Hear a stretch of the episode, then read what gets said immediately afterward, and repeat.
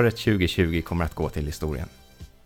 Idag, mer än någonsin, vill vi sprida den positivitet och glädje vi känner för Star Wars. Och för att göra detta ska vi under det här programmets gång lyfta fram och prisa de allra bästa och mest minnesvärda Star Wars-händelserna från året som gått. Ni lyssnar på Rebellradion, en podcast i samarbete med Star Wars.se och det här är Star Wars-året 2020. Jag som pratar heter Fredrik och kommer vara er värd idag. Och med mig har jag några av mina allra finaste Star Wars-vänner. Vi har Hanna B, Hallå! Hanna G, Hej! Jakob Hej! och Linus. Hello there. Vad trevligt att ha med er. Ja, Samma. Eh, Så här kommer det gå till. Vi har ett antal kategorier. Vi kommer att presentera de nominerade i en kategori innan vi utannonserar vinnaren. Sedan följer en liten diskussion innan vi går vidare till nästa kategori. Ska vi köra igång? Jajamän. Yes. Ja. Entusiasmen. Ja, men det är entusiastiskt. Alltså jag sitter ju här med festkläder på och känner att jag äntligen har fått klätt upp mig efter ett helt år av ganska mycket tristess. Så att, Nej, jag glömde festkläderna. nej, nu när vi äntligen har gala och allt. Missad chans. Ja, missed Jag sitter i opportunity för shorts och er. Ja, jag sprider glammen i den här podden, helt klart. Bra. Ja, det är som alltid alltså. Ja, men det här kommer bli bra. Ja. Vi har ingen tid att spela. Vi går direkt till första kategorin. Här för att presentera årets känslostorm är Jakob. Ja. Eh, kanske kom vi för de tuffa skeppen. Men det, men det som har fått oss att stanna är hur Star Wars verkligen kan beröra. Och de nominerade till årets känslostorm är Order 66 i The Clone Wars, avsnitt Shattered. Genom hela Clone Wars har vi vetat vilket mörker vi är på väg mot. Kanske rent av önskat och hoppats att den är här. Den här gången kommer den bli annorlunda och lösa sig. Allting blir bättre. Men vår önskan var förstås hopplös. Och i avsnittet The Shattered får vi till slut se Order 66 spelas ut framför oss. Istället för det bombastiska vi hade förväntat oss eskalerade istället plågsamt långsamt och med fokus på de individer och relationer som snart är ett minne blott.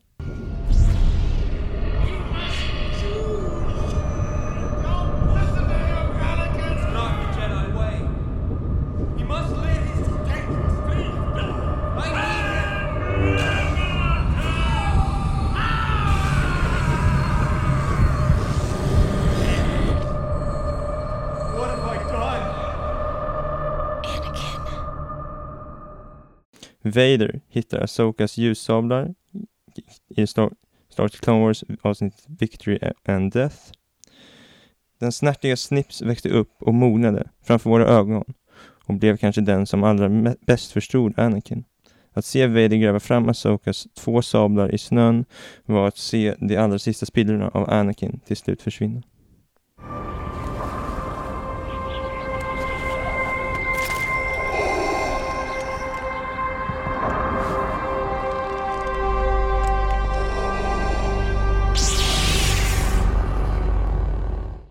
Din Djarin tar av sig hjälmen i The Mandalorian, avsnittet The Believer. I två säsonger har vi hört om The Way och, om, och hur det är absolut förbjudet att ta av sig hjälmen inför en levande varelse.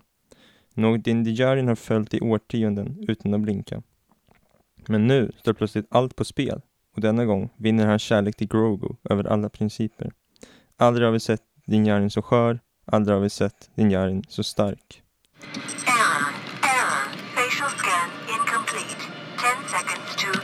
Shutdown. 10, 9, 8, 7, 6, 5, 4, 3, 2. Facial scan complete. Och vinnaren är Din tar av sig hjälmen. Det var många starka känsloögonblick det här året känner jag. Alltså det har ju varit, i och med att det var säsongsavslutning på Clone Wars så blev det förstås rätt mycket känslor där, men sen också kändes det som att Mandalorian kanske tog det lite djupare den här säsongen också. Så det var ju rätt mång, många grejer som vi hade kunnat ta med här. Vi hade ju fler nominerade än de här till att börja med. Men vad kände ni när, när det här hände, när han tog av sig hjälmen? Alltså, jag tycker inte att det var så mycket känslostorm med det där faktiskt. Um, alltså, Så du sågar vårt första pris här. ja. Jo, men jag gör lite det. Ni har röstat fel. För grejen är att jag tycker kanske inte att det är så jättemycket jag läser inte så jättemycket in att så här, det här är hans kärlek till Grogu att den, utan att det mer är en inre konflikt i honom som har pågått sedan han träffade Bo-Katan och de andra mandalorierna som liksom visade för honom att det här är inte någonting som alla mandalorier pysslar med utan han är med i en sekt. Um, så jag ser det mer som att han har kommit till ett ställe där han har insett att ja okej, det här som jag har trott på, det kanske inte var så jävla noga. Sen självklart kopplat till Grogu, men jag ser det mer som um, en sån, att, att det är en sån karaktärsutveckling som pågår inom honom än att det är direkt relaterat till hans kärlek till Grogu. För hade det enbart varit det och han fortfarande benhårt trodde på att inte visa sitt ansikte för någon, då tänker jag att han hade hittat en annan väg runt det där. Jag kan hålla med dig Hanna, för det känns som att avsnittet bygger upp lite inför det här, att liksom han Ja. börjar tvivla allt mer och som du säger det här avsnittet när han träffar Bo-Katan, fast jag känner samtidigt att det är ju en del av de starka känslorna man kanske får av att se det här, att det är liksom dels att han inser att han måste göra en uppoffring, men också att han inser att allt det här han trott på kanske inte stämmer. Eh, så att, eh, Ja, han har ju också det här snacket med Mayfield. Mayfield säger att ja, vi, vi kan alla hålla hårt på våra principer tills vi ställs inför någonting som är viktigt och, och då flyger principerna ut genom fönstret. Och jag ser det som en koppling där också, att han inser att ja, jag har, jag har följt de här reglerna så himla bergfast, men fan, betyder de någonting för mig egentligen? Nej, det kanske de inte gör. Jag skulle säga att det det, det, sista du säger här, eh, Granen. Att det är mycket det som är grejen, att han, att han äntligen har liksom fått upp men, ögonen för något annat, att han liksom ställer det mot någonting. Innan har det bara varit, ja men det är som det är liksom. Mm. Att han, ja, detta kanske inte är the way då, om man skulle vilja säga så.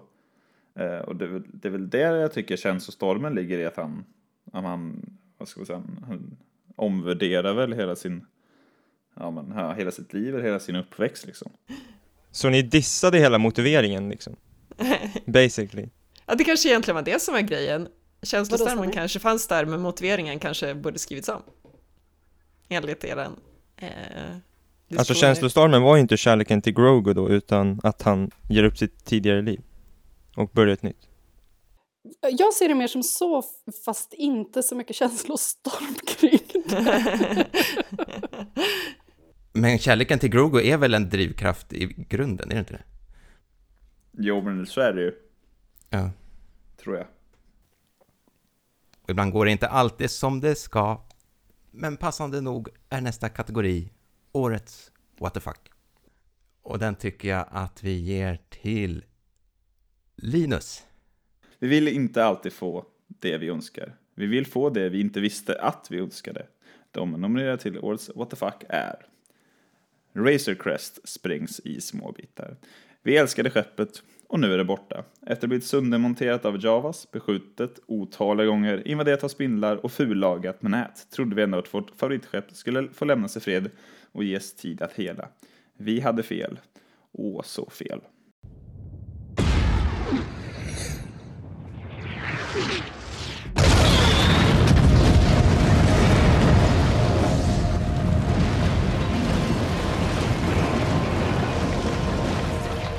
Ungen som tog ut segern i förskott i Jedi Temple Challenge och förlorade. Twice the pride, double the fall. You have to put them together. Remember, you have to, You have to build your lightsaber. Go build it fast, fast, fast. This is truly neck and neck. Be calm and do it. You got this. You got it. Blue team did it. The trial is complete. The Book of Boba Fett. När vi redan trodde vi fått mycket nyheter kring kommande serier så utannonseras ännu en. Är det fortsättningen på Mandalorian eller något helt nytt? Ingen vet, så vi kan inte sluta spekulera. Puta! Open our vidu! Wakana Malian teach me!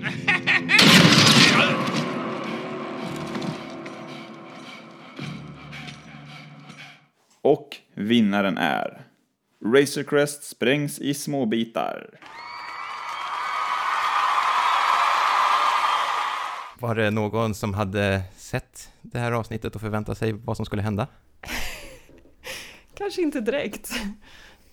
Alltså jag tycker så synd om det där stackars skeppet. Det har verkligen slitit hela säsongen. Och så får den inte ett värdigare avslut. Ett skepp med själ. ja. Känns det inte som man trodde att det här skulle liksom vara med liksom i tio års tid?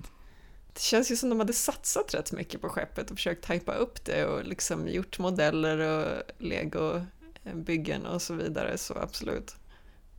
Men alltså jag ser framför mig en möjlighet här. Eh, man kan köpa legoset där man bygger Racer Crest och så ingår det en liten sprängladdning. Så när man Eller har byggt hur? upp det så liksom sprängs det i bitar. Fast inte så att liksom själva legobitarna går sönder utan man kan bygga upp det igen och spränga det igen. Och jäklar! Vilken Det här är möjlighet. första legobyggsatsen som kommer ihopbyggd i kartongen. Så. Precis. Okej, på tal om eh, leksaker ska vi kanske titta på nästa kategori som just råkar vara Årets leksak. Eh, här för att presentera är Hanna B. Star Wars har gjort det unika i att fånga intresset hos varje ny generation och mycket har de att tacka den enorma satsningen på leksaker. Leksaker som så småningom har utvecklats och blivit allt mer avancerade för att fängsla även oss vuxna. De nominerade till årets leksak eller samlarsak är Razorcrest Crest. Hasbros crowdfundingplattform Haslab tog sig an att återskapa det mest älskvärda skeppet sedan Millennium Falcon. Med en längd på 76 cm och detaljer som en flyktkapsel, vapenskåp, karbonfrys och klöstagbara paneler är detta ett av de mest imponerande byggena Hasbro gjort i sin leksakslinje. Nu är bara frågan, när kommer explosionsexpansionen? you guys shocked us with your response. It was it was overwhelming. We loved it, uh, and it's obvious you guys care as much about this as we do. So it's it was just fun to see all of that coming through. Animatronic Baby Yoda. Redan under förra året skärmades hela världen av Baby Yoda. Vi vill alla ha honom för oss själva och Hasbro levererade en enastående animatronisk docka som gör ljud, viftar på öronen och använder kraften.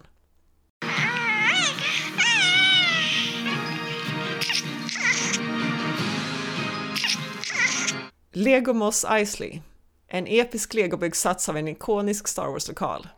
Med, över 3000 bitar och 20 minifigurer bygger Lego upp en sällsynt detaljerad diorama fyllt av skurkar och avskum. This has been the dream set that Cesar and I have been hoping for, and we're both very excited that people are going to have an opportunity to have it soon. Och vinnaren är Animatronic Baby Yoda! Ja men det var ju värt faktiskt. Vi kan ju säga så här kanske också att det här var ju kategorin som hade lika många röster på varje kategori så att det är uppenbart att eh, de har lyckats leverera riktigt fina eh, ja, samlarsaker eller leksaker det här året. Men Jakob, sa du, du var förtjust i att Baby Yoda vann här. Ja exakt, ja, jag hade röstat på Baby Yoda. Ingen, eh, kanske inte förvånar någon. Men, eh, nej men den är ju, den är ju så fin liksom och han, är, han håller ju en speciell plats i mitt hjärta efter Mandalorian. Så man vill ju ha en egen liksom. Och det levererar ju den här. När kommer de nya som heter Grogu då? De heter väl bara The Child fortfarande, leksakerna. Um, så det ser man väl eh, fram emot eh, också, gör man inte det? Att få en som, som sån här reagerar på Grogu. En sån leksak måste komma liksom. Men alltså de som finns kanske, som heter The Child kanske redan reagerar på Grogu. Bara att det är ingen som har vetat att det är det de ska kalla den. Alltså tänk om någon hade listat ut namnet på det sättet. Har inte Daniel en sån här grej? Vi måste, han måste ju få göra det här. Han måste ju Jo. säga Grogu. Det Då måste kan vi vi. ha en sån här scen sen som i, är det sista avsnittet av Mandalorian när uh, Din Djarin och Grogu bara sitter och så här bollar varandra, att han säger Grogu och sen fnissar liksom när han märker att Grogu reagerar. vi kan göra en sån liten fanvideo. Ja. Please. Ja, på tal om årets namn så råkar vi ha en kategori som just är årets namn. Ska vi låta Hanna G presentera det? Eh, med tusentals karaktärer i Legends och Canon har vi lärt oss att man kan heta vad som helst i Star Wars. Ändå lyckades de nominerade för årets namn faktiskt förvåna oss. Här kommer de. IG-11. IG-88 Who. Droiden som med sin oväntade skärm och sitt fantastiska rörelseschema vann våra hjärtan tämligen omgående och till sist även värmde upp Din Djarins frusna hjärta. I will, of course, receive the reputation merits associated with the mission. Can we talk about this later? I require an answer. Grogu. Under ett helt år har vi pratat om honom som Baby Yoda eller barnet. Sen hände det. Han fick ett namn. Och alla skrek ut att vi minst skulle fortsätta kalla honom Baby Yoda. En vecka senare har vi redan vant oss vid att säga Grogu. Baby Yoda, vem då? Grogu? Yes. That's his name. Quill. Den godhjärtade lilla agnaten visar oss att godhet och osjälviskt handlande är vägen framåt. I will help you. I have spoken. Och vinnaren är Grogu. Yes. Det kanske var ganska givet, känns som att det är namnet man pratar om. Ja. Fast jag tycker ju ändå att det är ganska intressant. Alltså jag minns ju när IG-11 dök upp och alla bara yes, en IG-88! Ja. Så det var ju en stor grej då, men det har vi ju lite hunnit glömma bort också kanske. Men det var ju mest hype med Grogu också, kanske därför, alltså så här, man visste ju inte vad han hette liksom, och man hade inte riktigt brytt sig om det heller förrän det bara hände liksom, heller, känner jag. Så det var därför det blev så kul att han fick ett namn tycker jag. Ja, men också att han fick ett namn satte ju kanske stopp för alla spekulationer om att det faktiskt var Yoda som åkte i någon, något maskhål. Ja, exakt. Ja men verkligen, det hade ju en djupare betydelse än bara att det låter lite konstigt. Ja. Men man har ju fortfarande mycket frågor liksom, med Grogu förnamn eller efternamn? Om, om man blir liksom Jedi Master, är det Master Grogu eller heter han liksom något annat i efternamn? Men känner du så med Yoda också? Ja. Han heter väl Shiv eller något i förnamn? Liksom. Ja, du tänker att Yoda är efternamnet? Ja, jag tror det. Okej. Eller artistnamn kanske. Men ingen, Zlatan, liksom. men man kör ju antingen med, med förnamn eller efternamn liksom, i Star Wars. Ingen bryr sig, det är ingen som, kan, det är ingen som kallar Palpatine för Sheev Palpatine.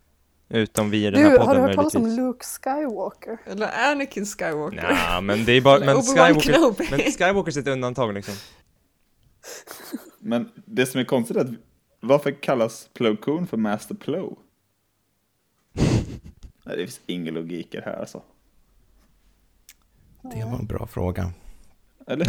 Jag kom på Men det alltså nu också. coon, är inte det, ligger inte det väldigt nära något så här dåligt ord på engelska? Så att Master Coon hade Master kunnat bli... Nej. Men De har ju en annan som heter Master Die, så jag tänker att... Och så dör han i typ en av vet, det är så bra. Ja, ja, det är ett annat avsnitt kanske. Ehm, att podda om. Han, det kanske kommer upp alltså, vem vet? Vem vet? Det är ju inte årets what the fuck i alla fall, vann han inte det året när han dog, Master Die, det kan vi väl säga. Det var det väl ändå. Vi har ju hållit på länge med Rebellradion, så att vi har hunnit skapa traditioner genom åren. En av dessa är vår årliga Trivia Extravaganza med Trivial Pursuit. Ingenting kommer ju någonsin kunna mäta sig med den allra första vinnaren. Vi behöver inte nämna några namn. Han är ödmjuk och fin. Eh, Men den stora frågan är ju, vem blir årets TP-spelare? En match, hundratals frågor och sex ganska dåliga förlorare. De nominerade till årets TP-spelare är Linus. Tog tillfälligt segern från Fredrik och firade med att vråla Jiho. Eller var det Yahoo? Det var skönt att få frågan av Robert och inte av Fredrik som hittar på. Så det kändes bra. Jakob. Tror fortfarande att han vann. Åh, det är C3PO. Nej! Vi har en vinnare! Åh, en vinnare! Hanna G. När andra frågesporter har ringen vän som livlina så har vi ringen Hanna. Det är så mycket bättre.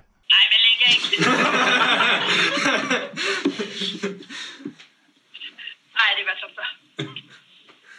Och vinnaren är Linus. Ja, men vad fan. Igen! Jakob, du trodde du hade en chans att få revansch Det här. här måste vi tala ut om nu alltså. Det känns ganska dumt att rusta. Vi spelar en match och jag vann. Varför, varför behöver vi rusta? Ja, vi måste ju fråga Linus, nu har du ju vunnit två priser för en seger. Är, är det rättvist eller? Då har jag gått om dig i maratontabellen här, Fredrik. Ja, det är inte så kul alltså. Jag noterar också att du läste tog tillfälligt segern från Fredrik. Får väl se hur det blir med den saken nästa år. Jodå, vänta du bara. Jag hoppades Nej. fortfarande att Hanna skulle vinna det här. Ibland är det ju mera liksom... Wings of Love, han, eller vad var det? Ja, men det var ju en sån här bullshit-fråga också, alltså det var, det var, det var, ju, det var ju så dåligt alltså. Fråga om skepp i Star Wars. Ja, alltså, Skit. Ja, vad är det för... Ja, och hela det här, äh, alltså det finns mycket från den här som borde, som hade fyllt hela listan, alltså det här Yahoo och Jeho debaclet, det, det borde ju varit på årets what the fuck liksom. Det var min röst där. Alltså jag tror, Inte- detta, jag skulle kunna tillägga en sak här. Om, om vi istället hade haft en kategori som var årets sämsta förlorare i TP. Ja, då hade jag vunnit. Är det jag också? Då hade jag vunnit alltså. Jag hade legat ganska bra till. Kanske Fredrik också då? Där hade alltså, väl du och ju- jag klarat oss bäst Hanna? Vad sa du? Där hade kanske du och jag klarat oss bäst, vi hade väl kanske Ja, jag minst tror det. ambitioner. Men alltså Han- Hanna kom ju dit i, i hopp om att hon liksom inte skulle liksom, alltså att inget skulle hända typ. Hanna hade ju redan lärt sig att hon inte skulle vinna. För Precis. hon var, hon hoppades hon var ju bara glad att hon var i Fredriks lag liksom. Ja, det var ju bara en bonus, alltså annars hade det varit kört. Det är så jag minns det alltså. Ja, det var väl också jag som föreslog att vi skulle köra i lag och det var ju bara för att kunna Så du var, du var liksom den komma en, undan med heder i behåll. du var den enda som var realistisk den där dagen, liksom. alla andra bara hade hopp liksom. Ja. Jag var realistisk, uppenbarligen. Ja men, ja, men alltså ser du vad, ser du vad man måste stå ut med liksom? Så här, lag med den här jäveln liksom. Nej, jag, jag tycker vi går vidare nu. Det här, är- det här gör ont. Jag kommer komma tillbaka 2021 starkare än någonsin alltså. En vinnare och en förlorare i samma lag. Nu är det dags för årets mest otippade ihopparning. Hanna, varsågod. Star Wars är fullt av par. Kärlekspar, Padawan som mästare, men kanske framförallt omatchande par. De nominerade till årets mest otippade ihopparningar är Asoka och Maul. Det slutade lika snabbt som det började, men för en kort stund fanns det en samhörighet i deras snarlika bakgrund och gemensamma fiende. Were you not cast out of your order? I left voluntarily. Yes, but you were motivated to leave by the hypocrisy of the Jedi Council. Din Djarin och Mayfeld. Mayfelds pragmatism smittade av sig på Djarin och Djarins idealism fick till slut förståelse från galaxens mest nihilistiska karaktär. En omaka, men ändå välsynkad duo. Hey, I'm just a realist. I'm a survivor, just like you. Let's get one thing straight. You and I are nothing alike. Din Djarin och Grogu. En prisjägare från en krigarkult och ett till synes oskyldigt barn med oanade krafter. Den smått orimliga duon hittade snabbt varandra och skapade ett band starkare än många andra vi sett i Star Wars. Frågan återstår bara vad konsekvenserna av detta kan bli. Come on. You can have it. Come on. Good job. Good job, kid. You see that? That's right. I knew you could do it. Och vinnarna är Din Djarin och Grogu.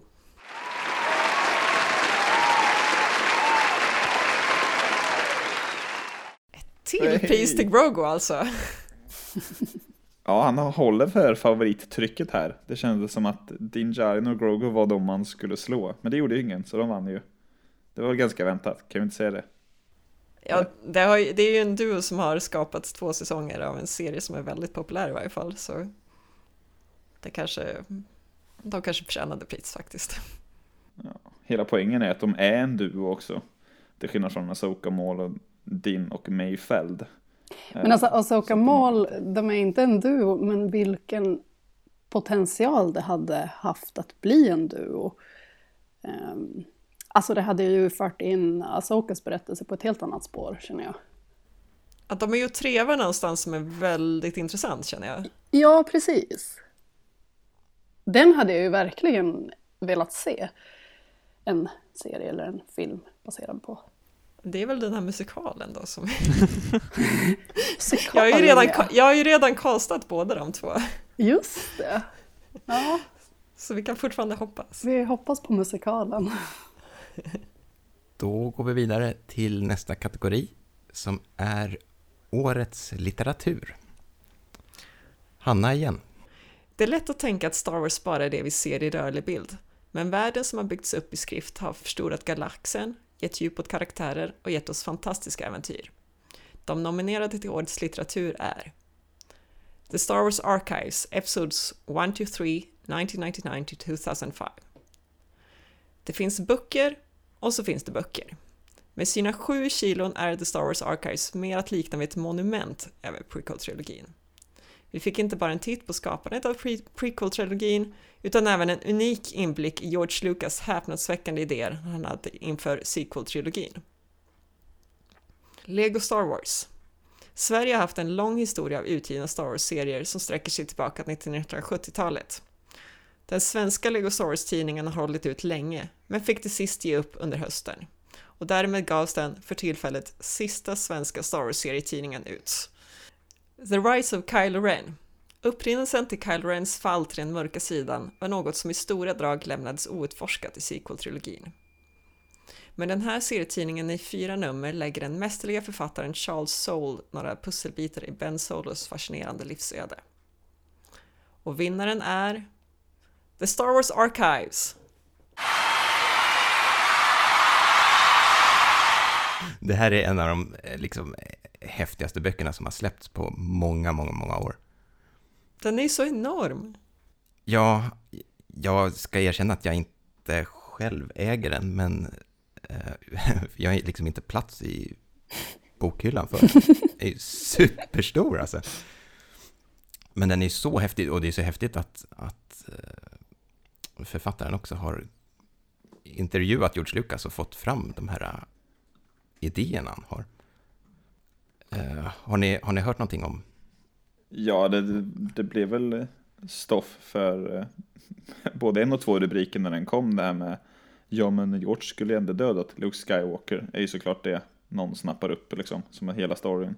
Eh, men, men jag ser ju fram emot att eh, om man säger 20-25 år ha råd med boken.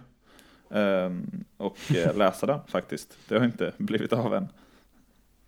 Det är väl det jag kan säga, det ser ju hur maffigt ut som helst. Liksom. Kan be ett bibliotek ta in den och läsa den gratis. Smart. Mhm. Det kommer bli så här oändlig lånetid också, för så här, det går inte att läsa ut på en månad liksom. Man får hoppas att folk inte står i kö, då kan man förlänga lånet så fort man är Ja, eller Eller så är det ett livsprojekt att ta sig igenom. Ja, eh, dags för nästa kategori. Årets karaktär med Linus. Karaktärerna är det som ger liv till Star Wars, så får oss att bry oss, heja på eller hata. De nominerade för årets karaktär är Asoka Tano. Från att i The Clone Wars kasta sig ur en LAAT för att hinna först till ytan, för att sedan vara den som nästan avslöjar Palpatins komplott och vara nära att förhindra allt, till att sedan många år senare stöta på en Mandalorian med ett mycket kraftfullt sällskap. Detta år avslutades sagan om Anakin Skywalkers före detta Padawan och detta år påbörjades sagan om hon som kanske kommer bli Trons undergång. So that's it. You're going to abandon Bo Katan and her people? Ahsoka, surely you understand this is a pivotal moment in the Clone Wars. The heart of the Republic is under attack. I understand that as usual you're playing politics. This is why the people have lost faith in the Jedi. I had too, until I was reminded of what the Order means to people who truly need us. Grogu, the artist formerly known as Baby Yoda, tog världen med storm. Hans obeskrivligt gulliga yttre fick de allra hårdaste krigarna på fall, men allt är kanske inte vad det verkar. Där inne gömmer sig ett rekordhögt M-värde, ett mörkt och ensamt förflutet och alldeles för många grodägg.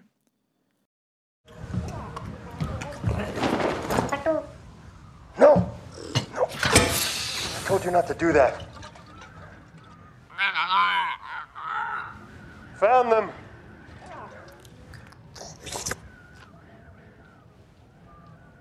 many did you eat? Cobb Vanth. Vi fick Boba Fett, men ändå inte. En sympatisk ledare som allierar sig med Din Djarin och sluter fred med sandfolk. Boba Fett-rustningen sitter så dåligt på honom och vi älskar honom för det. Dessutom är han en actionhjälte som befriar Mos Pelgo och hjälper till att döda en Krayt-drake.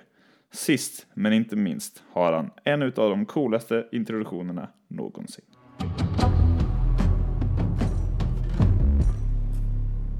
What brings you here, stranger?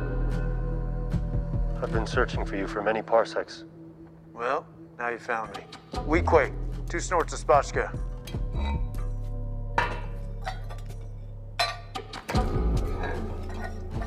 Why don't you join me for a drink? Och vinnaren är Grogu.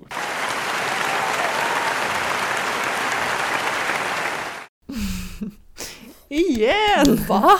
Årets what the fuck. Vilken skräll! Jag ser att det är ett mönster som har bildats här. Alltså. Grogu Jag tror att tar... Jakob har jo jobbat lite för hårt med omröstningen och jag tror att du har eh, du vet, så här lobbat och påverkat. Jag har lobbat andra. mycket på Grogu tror jag. Ja. Fast, fast på den här så, så den här var typ den, den här var den svåraste att rösta på tycker jag. För jag ville så gärna sätta Cobb Vanth, men jag kunde ju inte svika Grogu liksom. Den här var den Jag ville svåraste. sätta Krayt-draken. Ja, faktiskt. Den borde ju varit med faktiskt. Varför skrev ingen den? Eh, Ja, Jag hade hoppats på Asoka men jag, jag kan förstå Grogu också. tänk om Cobb hade vunnit över både Asoka och Grogu. Det hade varit något. Alltså, Men det är ju ganska intressant att en liksom en docka som egentligen inte har någon dialog och kanske egentligen knappt gör någonting nu i två säsonger Mandalorian ändå vinner över, Över till exempel Ahsoka. Ahsoka som har liksom sju säsonger Clone Wars bakom sig och som har så här uppenbar huvudroll i sista säsongen av Clone Wars och i ett ganska populärt avsnitt av The Mandalorian. Så det säger ju ändå ganska mycket om liksom den här genomslagskraften hos Grogu, att han behöver ju liksom göra ganska lite och ändå få så mycket kärlek. Bebisfaktorn kallar jag den. ja, det är, det är intressant faktiskt. Va, vad är det som gör att man gillar Grogu mer? Liksom? Det är konstigt. Det är märkligt. Alltså. Men han är, han är ju för likable alltså. Men han, bara hur han sätter sig är ju för gulligt alltså. Det är helt otroligt. Vem är det som står för, för dockan liksom? Vem håller i spakarna? Eller? Ja, vem är, det som, vem är det som har fått till det här rörelsemönstret och hur han liksom rör sig? Det är otroligt. Det är väl någon kille med skägg och glasögon som det brukar vara gissar jag. Med eh, ingen aning. Ja, men den killen borde ju varit på listan liksom egentligen. Alltså det är fantastiskt. Det är allt jag har att säga. Där fick vi även höra eh, en liten inblick i vår omröstning och hur vi skapade den här listan. Och då kanske det är bra att gå över till kategorin Årets Star Wars-skapare. Lägger oss i nivå med, med dem. Ja. Vi har skapat en lista. Det är lite. nästan samma. Nästa år då, då kommer ni alla på listan. Eh, Granen, vill du ta det här? Absolut. 2020 har varit fullt av intressanta Star Wars-kreatörer. Från Oscars, Oscarsvinnande kompositörer till en hel drös regissörer som alla har satt sin speciella prägel på The Mandalorian. Att begränsa de nominerade för årets Star Wars-skapare var inte lätt, men här kommer de. Dave Filoni fick äntligen avsluta sitt hjärteprojekt The Clone Wars och agerade, samtidigt exekutiv producent till The Mandalorian. I think from animation, one of the great things was you never treated the animation as something separate or different. It was just all part of the story. And that meant a lot because a lot of times in animation you delegate to something else. Oh, it doesn't need to be as good. Or it's just that animation thing. And we kept pushing to say, but we want the visuals and the story to just be an extension of the films. That's art, that's evolving. You never want to sit still Ludvig Göransson. För att han har lyckats förnya Star Wars-musiken samtidigt som den känns väldigt familjär, mysig och storslagen.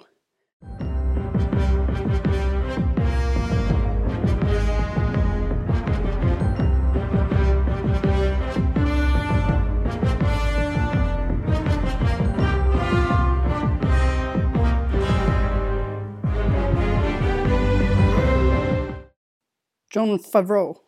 För att mästerligt ha regisserat avsnittet The Marshal som skapat serien som hela världen pratar om. The one thing that unifies us is we all love Star Wars, mm. right? That was the prerequisite. Yeah.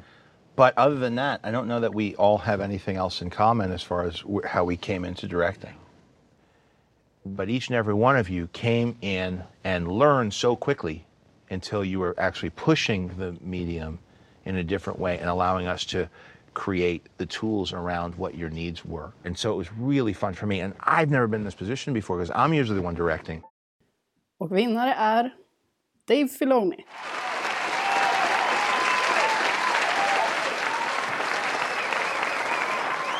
Vilket år han har haft. Faktiskt.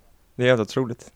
Ja, dels har han såklart då, kanske framförallt i mina ögon, eh, rott Clone Wars i hamn med allt vad det innebär. Men sen så har väl också steppat upp från säsong 1 som eh, live action-regissör. Så att han har väl tagit ett kliv framåt, eller åtminstone lyckats på båda fronter. Kan man inte säga det? Ja, verkligen. Så att eh, det, är, det är imponerande och eh, det är bra underhållning för oss. Så att vi är väl både nöjda och avundsjuka. Ja. Och jag tror liksom inte att, eh, the, alltså The Mandalorian hade ju uppenbart inte varit samma om det hade varit, om Dave Filoni inte hade varit med och det bara var John Favreau.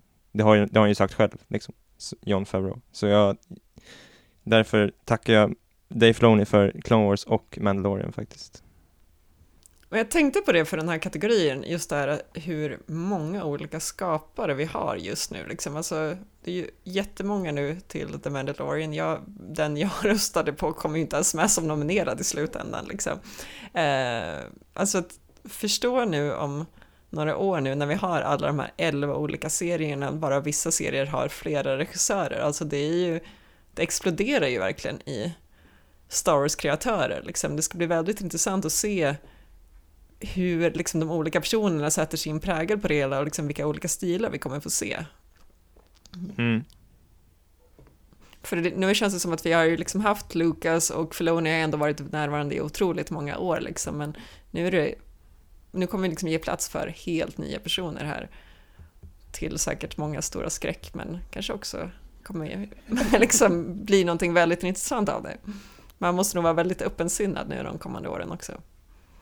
Vi kan ju säga också att Dave Filoni ska ju producera, förutom The Mandalorian, är det tre till live action-serier? Ja, det är väl, det är väl alla som har med Mandalorian att göra kan man säga. Ja, Bo- Boba Fett-grejen, Asoka och Rangers of the New Republic, eller vad den heter. Mm. Så han har ju verkligen fått sätta sig högst upp på granen. På Jabbas säga, men det låter jättekonstigt. Ja. ja, lyssna nu allesammans. För det här är något väldigt speciellt. Det är dags för nästa kategori, Årets hederspris. Jakob kommer presentera detta. Ja. Star Wars är inget utan sina fans. Så vi vill ge årets hederspris till några av de, av de allra mest engagerade. Motiveringen lyder Ett helt omöjligt projekt blir möjligt genom sitt stora engagemang och sin starka kärlek till Star Wars har Esma Songlin och Thomas Ira Nixon påbörjat drömmen om att realisera och bygga en svensk The Millennium Falcon Cockpit i naturlig storlek. Årets hederspris tilldelas The Swedish Falcon Project.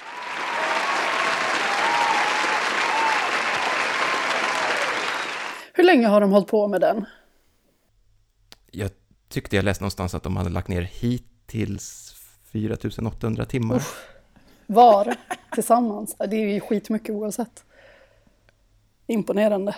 Men de börjar efter förra Celebration. Vet jag. När vi, inte, Mm. när, när vi intervjuar dem. Man kan ju tipsa om att det går att följa dem på Instagram så får man se just eh, hur det fortskrider det här projektet och de här nya detaljerna. Så gör de små videos bland annat där de visar nya grejer.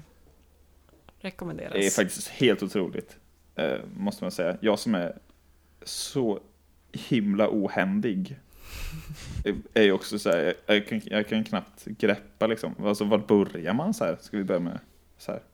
Bara det liksom att ja, men hitta material till en stol liksom. Eh, jag, jag, jag kan inte greppa det här. Det, jag tycker det är helt sjukt att, att man kan göra det här på två personer liksom.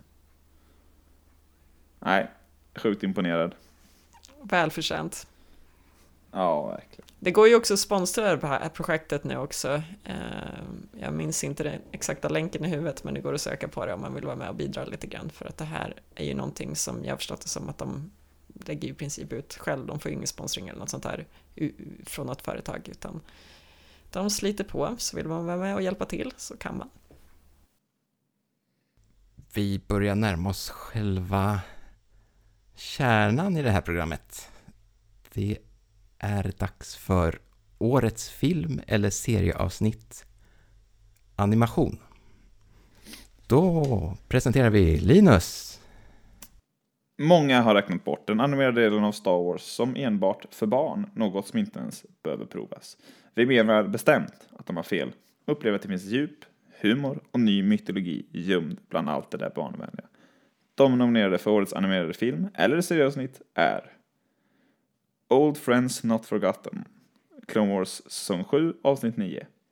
Asokas fulla potential blir uppenbar oavsett om hon racear till ytan på Mandalore eller leder belägringen av Mandalore. Musiken av Kevin Kiner är bättre än någonsin. What are you waiting for? Get out there! Sorry, I didn't think to bring you a jetpack. Racing to the surface. The Phantom Apprentice, The Clone Wars säsong 7, avsnitt 10. Den episka motion capture-duellen mellan Maul och Asoka parallellt med slutet på The Siege of Mandalore. Your vision is flawed. I see the Padawan needs one last lesson.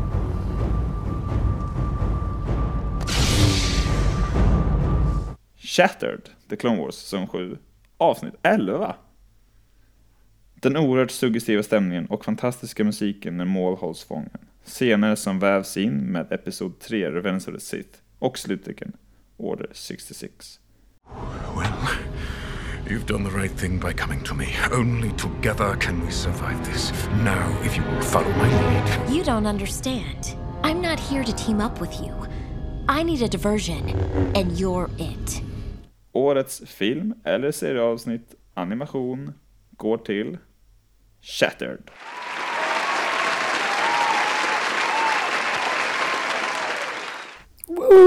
Ja! Inte helt oväntat om man har Nej. lyssnat på era poddar. Ja, men det känns ju som att man inte ens behöver ha någon omröstning om. Det är ju... Hur kan man tycka något annat? Eh, Precis. Ja, nu, nu måste jag backa lite grann här. Alltså jag, jag tycker att det här avsnittet har några av de bästa scenerna, men som helhets, helhetsavsnitt så är ju de två första avsnitten kanske bättre uppbyggda på något sätt. Alltså, vi har ju de här druiderna i Chattered som vi har sagt att vi kanske inte är så förtjusta i. Eh, så att- Nej men vänta, är inte det i sista avsnittet först? som de Också? upp? Nej, det är med mig här också. Är det det? ja, så jag tycker att eh, det är lätt att tänka att Chattered är bara Order 66 och det är ju liksom själva huvudgrejen och det är ett fantastiskt avsnitt och jag eh, röstade också på det här. Eh, men de andra avsnitten är verkligen välgjorda också så att det känns ju absolut som att det var en rätt hård konkurrens. Hård konkurrens men solklart vilken som ska vinna. Ja, ja, vi lämnar det, vi lämnar det där. Nej men eh, det var ju fantastiskt faktiskt och liksom, vi, vis- som vi sa innan, vi vet ju hur att eh, vi har ju väntat på Order 66 liksom och så bara så här, i de två första avsnitten, nu händer det, nu händer det, nu händer det, nu händer det och så händer det inte och sen här händer det liksom Mm. och sen på 10 sekunder ändras hela serien och så är det nästan slut. Nej, det är ju riktigt bra. Det är allt jag har att säga. Då går vi vidare till en liknande kategori. Årets film eller serieavsnitt live action. Nu ser vi fram emot Hanna G. Ja. Star Wars har vi alltid sett på film, men 2020 skulle bli året då Star Wars provade på tv-serieformatet till fullo. De nominerade i årets film eller serieavsnitt live action är The Mandalorian, Chapter 9, The Marshall när Star Wars på tv håller samma kvalitet som en biofilm. Cobb Vanth, Sandfolket och Crate-draken gjorde det här avsnittet till ett rykande hett västernäventyr. What are the bones? That's the crate dragon. And those little rocks? That's us. It's not that scary. I think it is. The Mandalorian, Chapter 13, The Jedi. Vi visste inte riktigt vad vi skulle känna inför introduktionen av Asoka som vi tidigare bara sett i animerad form. Men Rosario Dawson levererade och vi kände oss övertygade. Den före detta jedin hade blivit samuraj och Baby Yoda fick såväl ett förflutet som ett namn. Show yourself. Jedi.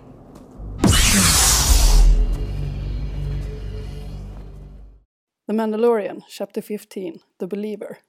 Avsnittet som var fullt av karaktärsutvecklingar, både on-screen och för oss i tv-sofforna. Vi hejade plötsligt på Imperiet. En före detta imperiesoldat lärde sig hur man bäst bearbetar svåra krigsminnen och vår Mando insåg att principer ibland måste ge vika för saker som verkligen spelar roll. We lost our whole division that day. Man, I was like five, ten thousand people. Yep. All heroes of the Empire. Yeah. And all dead. Well, it's a small sacrifice for the greater good, son. Depends on who you ask, don't you think?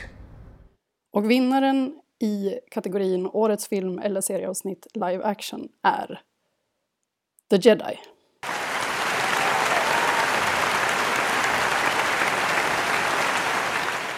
Yes. Jag röstade på det här i alla fall. Ingen, eh, till, in, till ingens överraskning. Faktiskt. Men det var, men det var ju, så- det var ju så, det var så jävla häftigt att se Asoka på, på riktigt liksom. Är så här, där var hon. Och, så, och det hände så snabbt också. Lite som i, i Rise of Skywalker så här. Var är Palpatine? Jo, här är han. Första fem minuterna liksom. Nej, jag tyckte det var, det var bra och det funkade liksom och ja, jag vet inte. Man blev medryckt.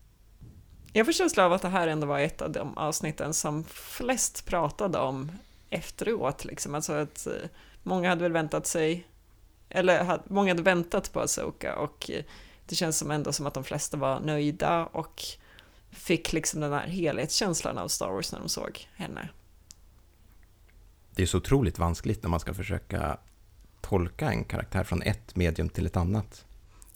Ja, det går inte riktigt att översätta, men de lyckades ändå rätt bra. Eller väldigt bra. Nej, men speciellt när det liksom är... Alltså det är skillnad på Saw Gerrera som är en kille med en pistol liksom. Det är ganska lätt att ta in Force Whitaker, men här är det ju en viss... Eh, hon rör sig ju inte som Saw Gerrera kan man väl säga, Soka. Och eh, är ju också liksom en alien-ras. Så det blir ju ännu svårare liksom. Ja, jag tror inte att jag hade trott att Asoka någonsin skulle komma i live action-format innan den här säsongen av Mandalorian faktiskt. Eller, och dessutom ganska sent in i den här säsongen tror jag att jag fattade det. Eh, för att just, just som du sa, att i och med att hon inte var människa så känns det som att de liksom inte riktigt vågade sig på det spåret. Men de var modigare än vad jag trodde. Eh, jag har ju bara gått och väntat faktiskt. Jag har inte fattat varför det inte har hänt än liksom. Varför de inte har utannonserat film, filmer och tv-serier med henne innan liksom. Faktiskt, jag tycker det är helt o, oförståeligt eftersom hon är så populär liksom. Hon tar ju över allting hela tiden nästan. Alltså så här, hon, hon är med i Rebels, lite här, så här. Det, det kan ju bara vara att de ska ha kvar den så länge som möjligt. Det är enda anledningen. Jag har bara gått och väntat på att det ska hända och så händer det nu och det var helt fantastiskt. Filonis kontrakt går ut när Soka dör. Liksom. Hon är så bra ute på det. Exakt, han hänger upp hat, hatten på hyllan och bara I'm off guys. Vi har kommit fram till vår allra sista kategori. Årets Star Wars-händelse. Som Hanna B kommer presentera. Efter ett av de värsta åren på mycket länge är det fantastiskt att vi fått så mycket Star Wars att pigga upp oss med. De nominerade för årets Star Wars-händelse är Disney Plus släpps i Sverige. Några väl valda delar av världen fick Disney Plus redan förra året. Vi fick vänta betydligt längre än vi trott på Disneys nya strömningstjänst. Men allt var förlåtet när det släpptes i Sverige under hösten, fullproppat med Star Wars-godis.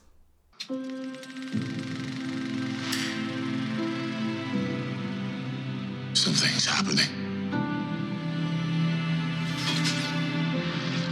Something extraordinary.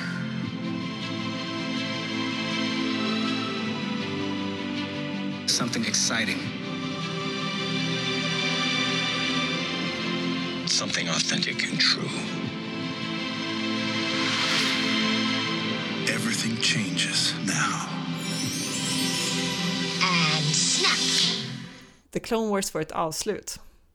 Serien lades ner 2012. Efter det har vi droppmattats med resterna i olika format. Men i år äntligen fick serien det slut det förtjänade. I sense a plot to destroy the Jedi. Care must take. Why would anyone walk away from being a Jedi? We were trained to be keepers of the peace, not soldiers. We clones have mixed feelings about the war. Without it, we wouldn't exist.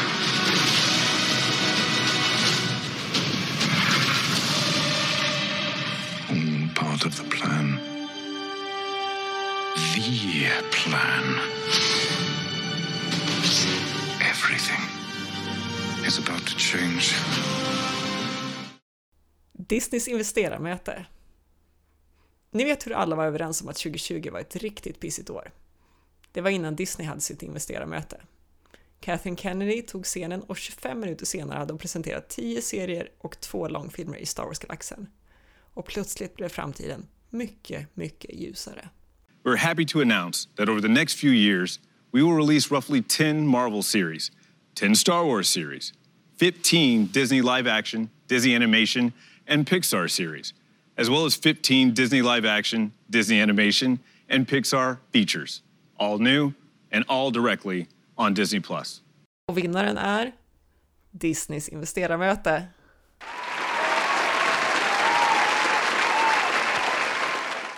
Var det någon som satt upp under natten och tittade? Jag? Ja, du gjorde väl det? Ja, Linus och jag satt uppe samtidigt. Aha. Det var mysigt. Jag kunde ju se i chattråden efteråt här hur ni hade liksom plöjt igenom och kommenterat och eh, du vet, man kunde nästan höra ert så här skrik genom bokstäverna på rutan. Ja, hur var det att, att liksom vakna upp på morgonen efter, ni som inte satt uppe? Ja, det var ju Ljuvligt. fantastiskt.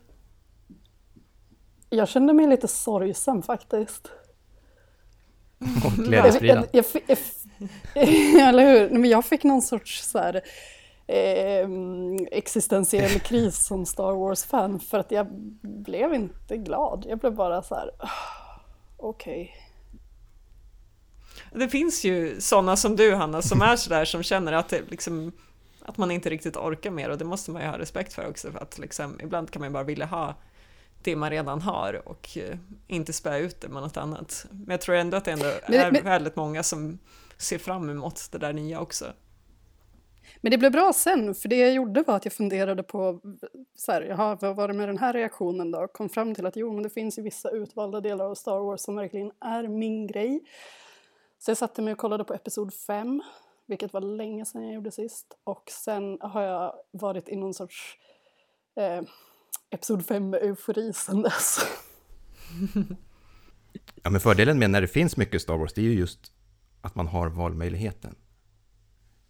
Och titta på det man Precis. gillar själv. Liksom. Precis.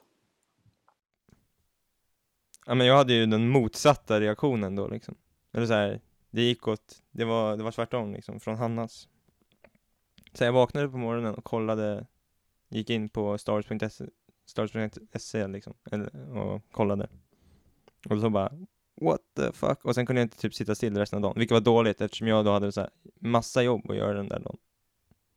Alltså, det var alla, alla så här inlämningar skulle in, liksom, det var så här sista dagen på terminen typ, och alla bara, nej det gick ju inte. Så, för jag, jag, bara stod, jag, bara, jag bara stod och hoppade liksom. Så här, det gick. Sprang in och väckte pappa liksom. Du, Pappa, pappa. Ja du, han, han, var redan igång innan jag. Ja. Han var redan, han, han, han hade fullt pådrag alltså. Men eh, Hanna G, jag kände ju lite som du först också. Mm. Och sen så här så började jag tänka, de sa ju, de var ju väldigt eh, eh, noggranna med att inte säga vilka datum allt skulle komma. Så, så jag började fundera liksom så här, allt kommer inte komma på en gång. Så jag tänkte, men det, det blir väl säkert liksom, ja men typ som det här året. För vi känner att fan vad grejer liksom, man blir ju liksom, ja men som Robert sa, tvångsmatad. Men om det liksom kommer en säsong av en tv-serie på våren och en på hösten så blir det exakt som vi haft det här året liksom med Clone Wars i våras och, och Mandalorian den här hösten. Så att i det tempot ska man väl orka med tänkte jag. För jag har svårt att se att liksom säsong två av Cassian har premiär liksom samma dag som säsong fyra av The Bad Batch. De vill väl att vi ska prenumerera hela tiden så att de portionerar ut de här en efter en liksom. Att, Ja, men eh, jag tror inte att det, landar alltså för det. min del är det nog inte att jag känner att så här, det blir för mycket att titta på, jag hinner inte, utan mer att jag känner att så här, eh, Du vill inte ha det från det, blir början? så, det blir så mycket skvalp i mitt huvud på något sätt. Men, men alltså, ja, jag jag känner mig inte lika dyster längre utan jag har insett att oavsett hur mycket Star Wars som kommer så är jag, står det mig, mig alltid fritt att välja att kolla på det som jag tycker om. Och det är ju tur. Fredrik, du om någon var väl den som var bland de mest entusiastiska över det här. Kan inte du berätta hur du kände? Oj, alltså jag... Jag var så himla glad den kvällen, eller natten.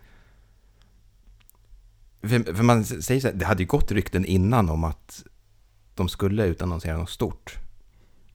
Och när, när någon säger så, då tänker man ju så här, ja nu, nu kommer det liksom en, en film. Kanske en serie liksom. Och så bara matar de ut, det är ju helt, det är det, är det galnaste jag har varit med om. Det är ju så roligt i formatet också för att det är ju ett ganska så här torrt format. Hon, är inte, hon pratar väldigt lugnt och metodiskt. Det är liksom det är ju inte till oss hon egentligen pratar utan till investerarna även om hon låter oss ta del av det hela. Så det är ju en helt annan stämning egentligen än liksom de här mera väckelsemöteliknande grejerna som vi har på Celebration. Och ändå så är innehållet precis det vi, eller i alla fall många av oss, vill ha. Tänk om de hade kört Celebration med det här. Folk hade ju stått med, liksom tårarna hade runnit, Ja. ljussablarna hade viftats. Nej, det, det var väldigt surrealistiskt att titta på liksom. Det var så här, ja, Mando, eller så här, Lando-serie. Mm, Rogue Squadron-film. Sen man bara, vänta lite nu. Alltså är det på riktigt eller liksom, är det här något du liksom funderar? Eller det kändes så himla, jag vet inte, det var jävligt skumt alltså. Man brukar liksom så här, allting brukar föregås av så här rykten i sex månader och sen så bekräftar någon skum källa det att ja men det är klart. Och sen en månad senare Ja, så kommer så här, ja om tre år kommer en film regisserad av Ryan Johnson. Så är det inga meningar, man bara säger jaha, en film. Eh, och- och nu var det som bara matar ut grejer. Så det, ja, det var, det var helt sjukt faktiskt. Ja, surrealistiskt beskriver det ju bäst faktiskt. Tack. Det var allt vi hade för idag.